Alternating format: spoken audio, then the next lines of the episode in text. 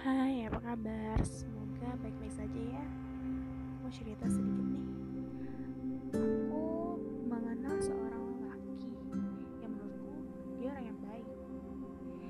Dia lelaki berbeda dari lelaki yang pernah aku kenal sebelumnya.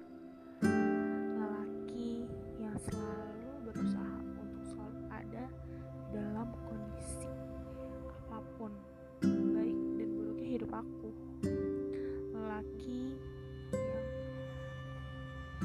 ternyata aku percaya bahwa wah dia ya orangnya.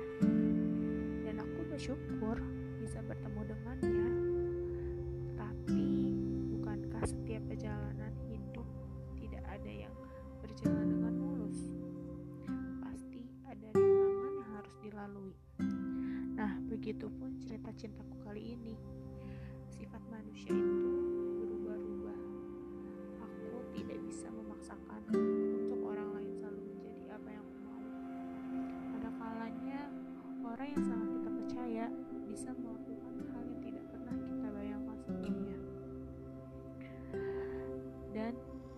bisa jadi dialah sumber awal kesedihan ini. Dan kamu adalah sumber kebahagiaan serta kesedihanku.